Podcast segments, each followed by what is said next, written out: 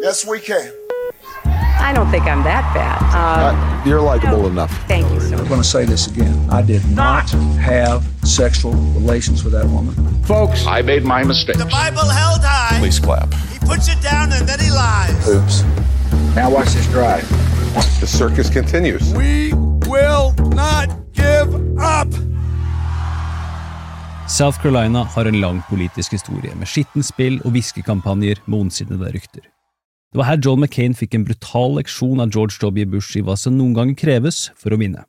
Det gikk så langt at da han drev valgkamp der, åtte år senere, så mottok McCain unnskyldninger fra folk for hva som skjedde der i 2000.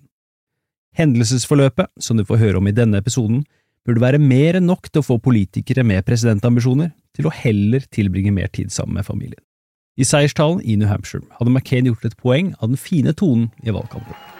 I'd like to congratulate the other candidates. I received a very gracious phone call from Governor Bush. I think all of the candidates, I think all of the candidates conducted this campaign in a manner in which the people of America and the people of New Hampshire can be very proud. Han var ikke forberedt på det som ventet ham i South Carolina. And now, and now this campaign heads to Delaware and South Carolina.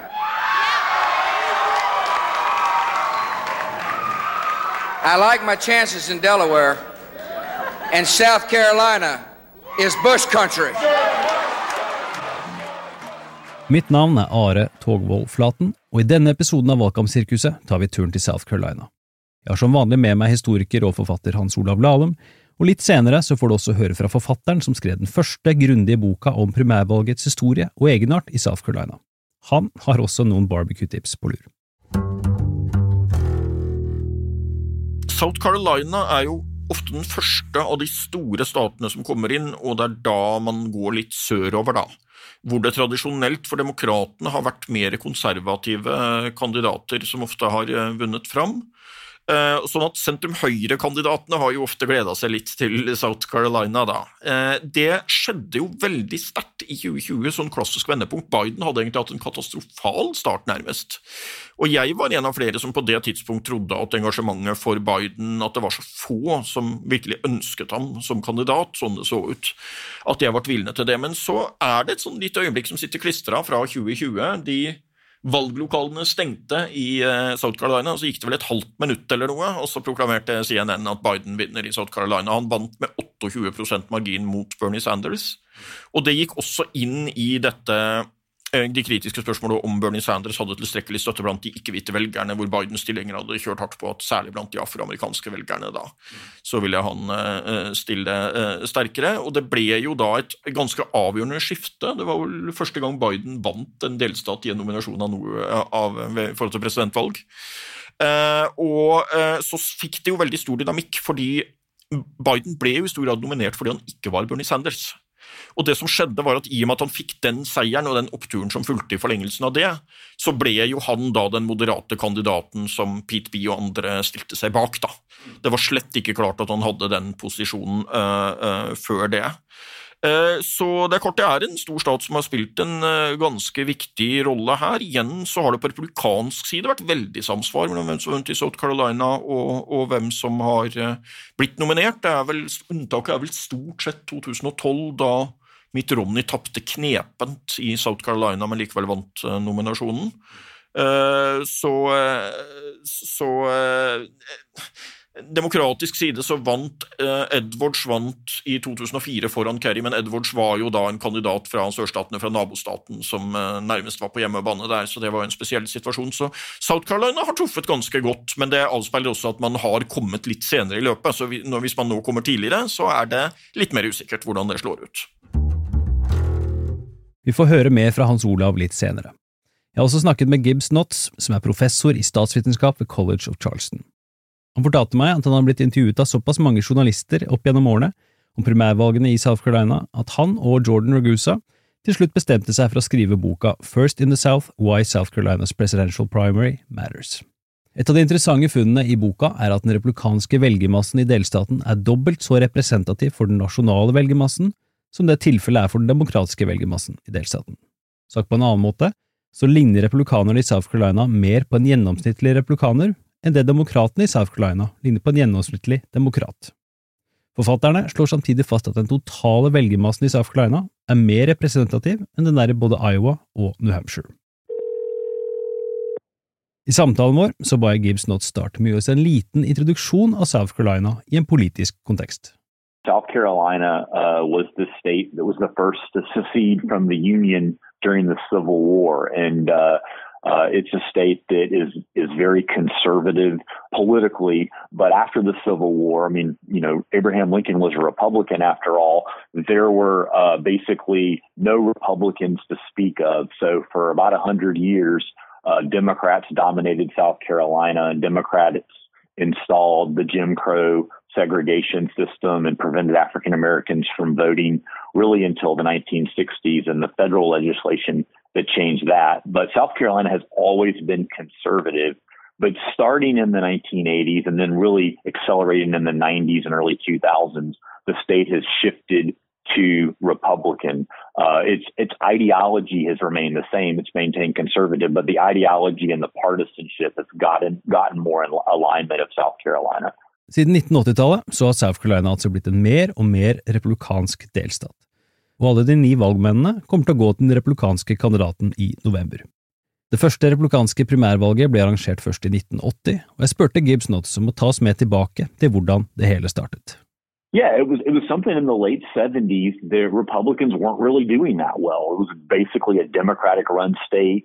80 plus percent of people in the state legislature were Democrats. And so they thought, okay, what can we do to get more people to think about the Republican Party? And so they went around and had hearings across the state and got local Republican activists to sort of buy into this idea of holding a primary. And so, you know, they decided because typically primaries for governor or senator happen in June. But these folks were like, we should do something in maybe March or February and do it earlier in and really put South Carolina on the map. So it was it was a it was a it was a way to think how they could build the party up. So they were really thinking about you know not only a way to you know bring some economics into the state because all these candidates would be here and they'd run television ads, but really get South Carolina voters to think more because they were already conservative, but they'd been voting Democrat for you know generations to get them to think about the Republican Party uh, a little more seriously, and then that's what a lot of people in the South had done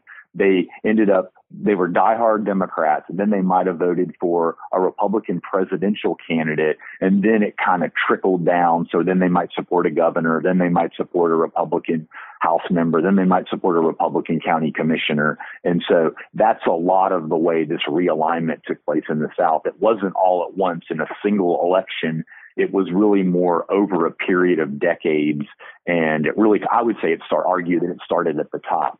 Gibbs Knotts starter gjerne med historien om Ronald Reagans seier i det første republikanske primærvalget tilbake i 1980, for å forklare den viktige rollen delstaten fikk i senere valg. Ronald Reagan was a little bit of an underdog. He was a, you know, had been a two term governor, but hadn't, you know, really didn't have a national profile uh, in the way that some of the other candidates did. Uh, George H.W. Bush was running, I think John Connally from Texas. And South Carolina, uh, Republicans got this primary early on the calendar. Uh, it was a time when there weren't that many uh, people who said they were Republicans in South Carolina. It was still a pretty Democratic state uh, back in 1980, but South Carolina voters came over and supported Ronald Reagan, and it kind of catapulted him to eventual victory. And uh, he ended up becoming a two-term president, and certainly changed a lot about American politics and a lot about world politics. Etter hvert vil også demokratene være med på moroa. De blir inspirert av republikanerne. I think finally starting in the 90s and then definitely since about 2000, the Democrats have realized, hey, this is a really smart thing to position our primary as the first in the South primary. And now they're probably just as on board as the Republicans. Of course, you know, what people that are paying really close attention and, and something that happened after we got our book published was Democrats uh, nationally decided to make the South Carolina primary first. And so our book's called First in the South which I guess is still technically true, but really it's first in the South for the Republicans. It's first in the nation for the Democrats, at least in this 2024 cycle. And that was done for a whole host of reasons, not the least of which was that President Joe Biden did really well in South Carolina. So I think national Democrats, you know, want him to be the nominee. And so they put a state that he did really well in atop the calendar. There were also concerns about New Hampshire and Iowa not being very diverse states in terms of, let's say, racial diversity. And so I think that was another factor on why South Carolina was moved to the top of the list on the Democratic side. But Republican primary is a much better predictor of who gets the nominee than the Democratic primary. Demokratene i South Carolina har allerede gått til valgurnene, og 96 av dem stemte på president Joe Biden. Det var en begivenhetsløs og kjedelig valgkamp, om vi i det hele tatt kan kalle det en valgkamp, og den står i sterk kontrast til det som har kjennetegna tidligere valgkamper i South Carolina, nemlig skittent spill. So South Carolina, you know, it's known for being the first in the South, but it's also known for a history of dirty politics. Uh, and I think the bare knuckle politics, whatever you want to call it. I mean, I think so much of that is Lee Atwater. Lee Atwater was a political strategist who grew up in South Carolina, and he uh, was involved in that Reagan campaign in 1980 that I mentioned, but Lee Atwater really became well known when he ran George H.W. Bush's campaign. And he uh, is famous for, you know, orchestrating that Willie Horton ad, which, you know, most folks consider to be a racist ad where it basically said Mike Dukakis the governor of Massachusetts uh, had a furlough Akkurat denne historien kommer vi tilbake til en senere episode, for jeg har nemlig intervjuet Michael Dukakis om akkurat denne hendelsen. Poenget med å trekke den fram er at Lee Atwater har inspirert andre, men det er selvsagt mer komplisert enn som så. You know, I, I ask myself, you know, what is it about South Carolina that causes sort of the dirty bare knuckles politics? You know, I think it certainly could be cultural. It could be this Lee Atwater thing. One of the explanations I think is also important to consider is just that it's so important. The stakes are so high and so when candidates and their campaigns know that this is a must win situation for them, that's when some of the dirty politics comes out. And so that, that race that you mentioned with McCain and Bush is, is one of the ones that's pretty legendary in terms of dirty politics. John McCain, som satt fem og et halvt år som krigsfange i Vietnam, hadde Det hvite hus i sikte etter den solide seieren over Bush i New Hampshire i 2000. Han beskrev seg faktisk som Luke Skywalker som kjempet mot Dødsstjernen, og han spilte filmmusikken fra Star Wars på valgmøtene sine for å understreke poenget. Politiske kommentatorer mente McCain kunne vinne South Carolina. Bush jr. var jo favoritten, forhåndsfavoritten i 2000 eh, og hadde fått sammen en ganske bred konservativ koalisjon. Men så fikk han uventet sterk motstand i starten fra John McCain, som hadde en veldig god start med, eh, med, med eh, Eh, de, de, første nominasjonene og primærvalgene. Eh, så lenge også lovene ut for ham i eh, South Carolina, så kom det en veldig negativ grasrotkampanje mot ham i South Carolina med stygge og til dels ville anklager. Som, hvis jeg oppfatter riktig, så har vel Bush-kampanjen hele tiden benekta at de hadde noe med det å gjøre og hevdet at det da var frittløpende lokale folk eller hva det var som, eh, som sto bak dette. Men for McCain så ble det opplevd veldig veldig vondt, og det gjaldt noe Det var vel særlig denne ville anklagen om at han hadde et barn utenfor ekteskap med en svart prostituert kvinne som rammet ham veldig hardt. Han har jo, eller hadde jo da, en adoptivdatter fra Bangladesh. Så det var liksom noen undertoner på rasespørsmål og sånt der som var veldig ubehagelig for en mann som eh, John McCain å bli utsatt for. Det var en av angrepene, og de ble til dels formidla på flyveblader på bilruter som også hevdet at McCain var en forræder som hadde forrådt landet som krigsfange i Nord-Vietnam, og at han var mentalt ustabil etter årene i fangenskap. Han ble samtidig omtalt som den homoseksuelle kandidaten, og kona Cindy, som hadde innrømmet pillemisbruk noen år tidligere, ble omtalt som narkoman. Michael Dennehy jobbet for McCain i både 2000 og 2008, og han ble med sørover til South Carolina etter seieren i New Hampshire. Jeg intervjuet ham tidligere i vinter, og han hadde blant annet dette å si om det som møtte McCain i South Carolina. So in South Carolina, it, back in 2000, it was still very heavily run by establishment politicians. Very heavy. And they ran very heavy handed campaigns. Um, so there was a lot of behind the scenes, uh, really dirty campaigning that um, that you know convinced Republican voters uh, that John McCain um, wasn't the kind of person you should vote for, and they used a lot of um, a, a, lot of racial um, uh, racial slurs, um, which down south in the Republican Party back then had some spurte ham så om hvordan McCain takla den biten. Well, obviously he didn't take it well. and and then they, they you know there was also a campaign um, uh, accusing his wife of being addicted to drugs. So those that's what it, that's what the campaign was about for two to three weeks. It turned very nasty. Yeah. En dag i Hilton Head, som ligger helt sør i delstaten, så fikk noen frivillige fra McCain-kampanjen øye på et par karer som delte ut flyvebladene. De løp etter dem og fikk etter hvert konfrontert dem med hvem de jobba for.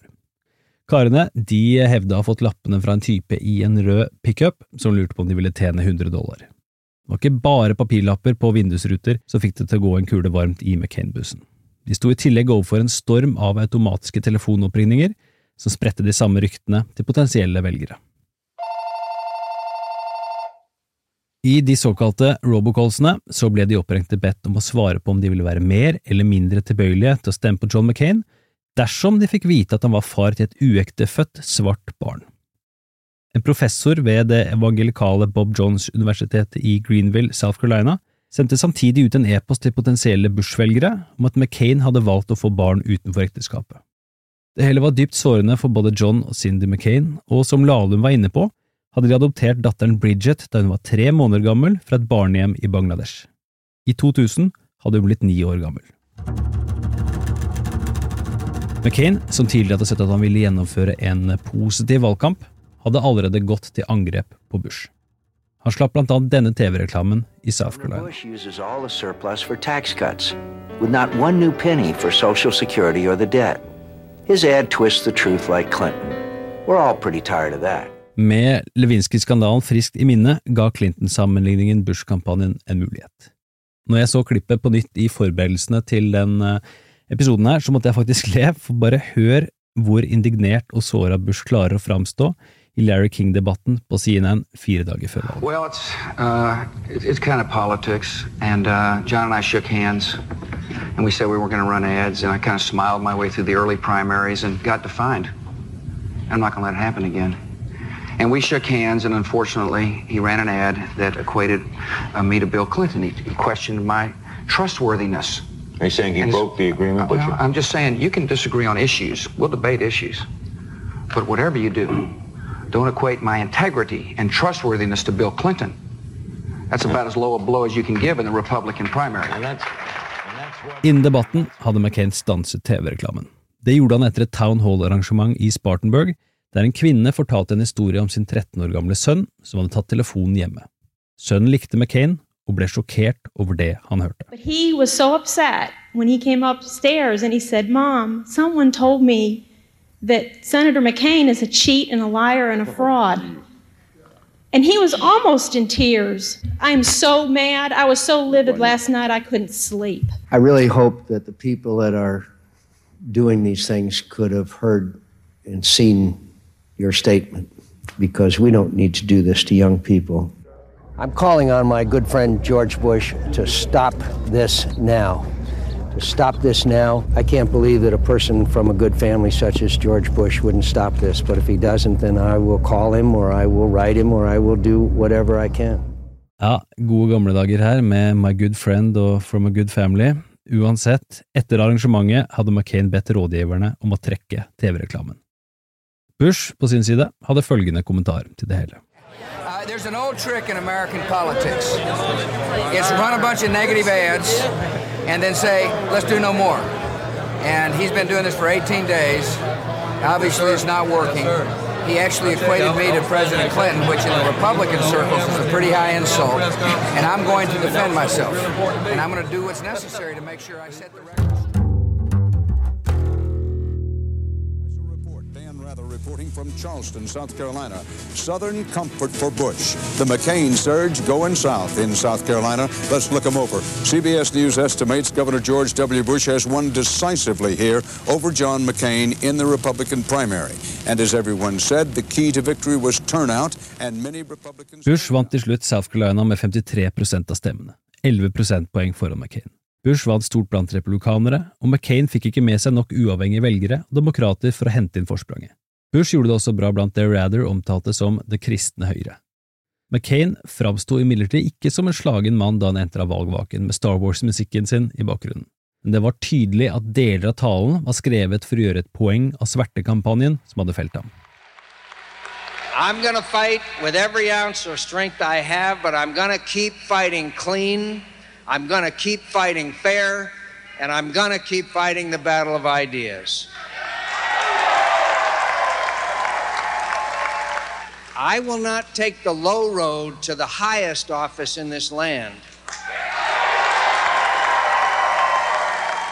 I want the presidency in the best way, not the worst way.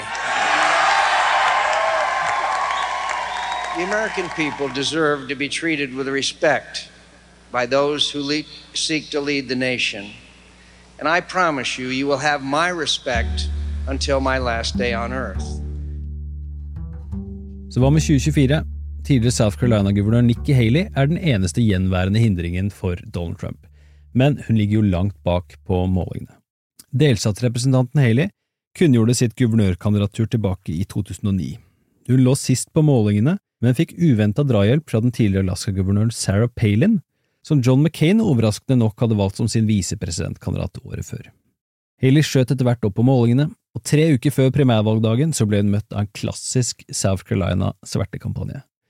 Og en politisk blogger som hevdet å ha hatt et upassende fysisk forhold, som han beskrev det, med den gifte guvernørkandidaten. Haley svarte at hun hadde vært 100 lojal mot ektemannen sin i deres 13 år lange ekteskap, men kort tid etter så sto en lobbyist fram og hevdet at også han hadde hatt en affære med Haley. Det hører med til historien her at lobbyisten da jobba for Haleys hovedrival. Men Haley svarte på anklagene med å si at hun ville trekke seg dersom noen fant noen bevis som kunne underbygge utroskapsryktene. 15 år senere så tjenestegjør mannen til Haley som en del av South Carolinas nasjonalgarde på en amerikansk base i Djibouti, strategisk plassert da langs stredet som forbinder Rødehavet til Adenbukta og Det indiske hav. Hun nevner det i hver eneste tale, så hva gjør Trump i South Carolina? Han hinter jo selvsagt da til de gamle utroskapsryktene. the greatest president in my lifetime, she said. I will never run against him. Then she comes over to see me at Mar a Lago. Sir, I will never run against you. She brought her husband. Where's her husband? Oh, he's away. He's away. Where, what happened to her husband? What happened to her husband? Where is he? He's gone. He knew. He knew. He knew. Men angrep mot folk som tjenestegjør, er jo for så vidt ikke noe nytt fra Donald Trump.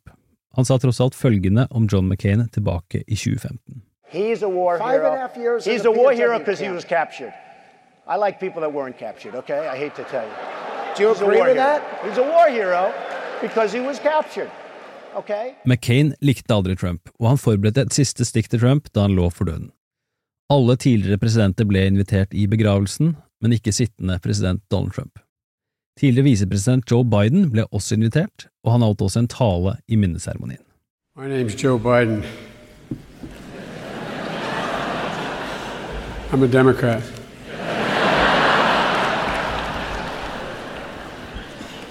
And I love John McCain.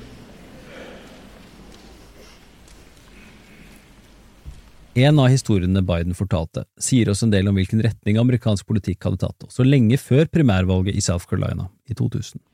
You're getting an award? No, I'm, I'm serious. Think about this. Getting an award for your civility. Getting an award for bipartisanship. In classic John, the one at Allegheny College hundreds of people there, and we got the award. And John, the Senate was in session, and so he spoke first. And as he walked off the stage and I walked on, he uh, looked at me and said, Joe, don't take it personal, but I just don't want to hear what the hell you had to say. Uh, and, uh, and left.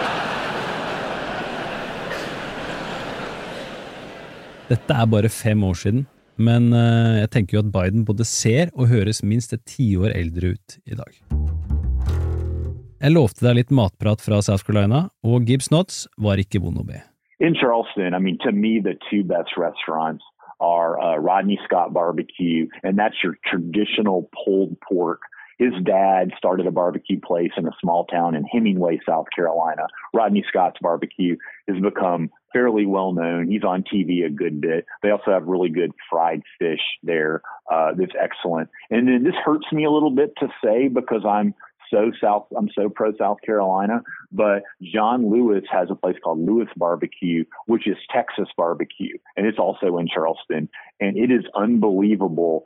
I would say the thing to get there is they have something called the Holy Trinity, which is pork ribs, uh, hot guts, which is a spicy sausage.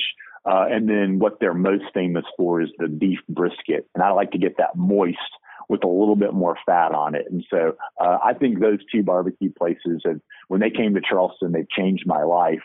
Uh, they're just unbelievable, and there's there's there's a ton of them across the state, but I'm more familiar with ones in Charleston, so those are my two favorites. So if anybody out there comes to Charleston, go to Rodney Scott's or John Lewis or Lewis Barbecue, and you will not be disappointed.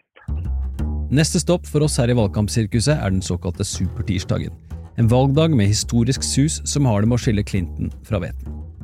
Du, legg gjerne igjen en anmeldelse om du liker Valgkampsirkuset, slik at vi kan nå enda flere. Ja, absolutt. Det er også veldig hyggelig om du tipser en venn eller kollega om å høre på. Okay.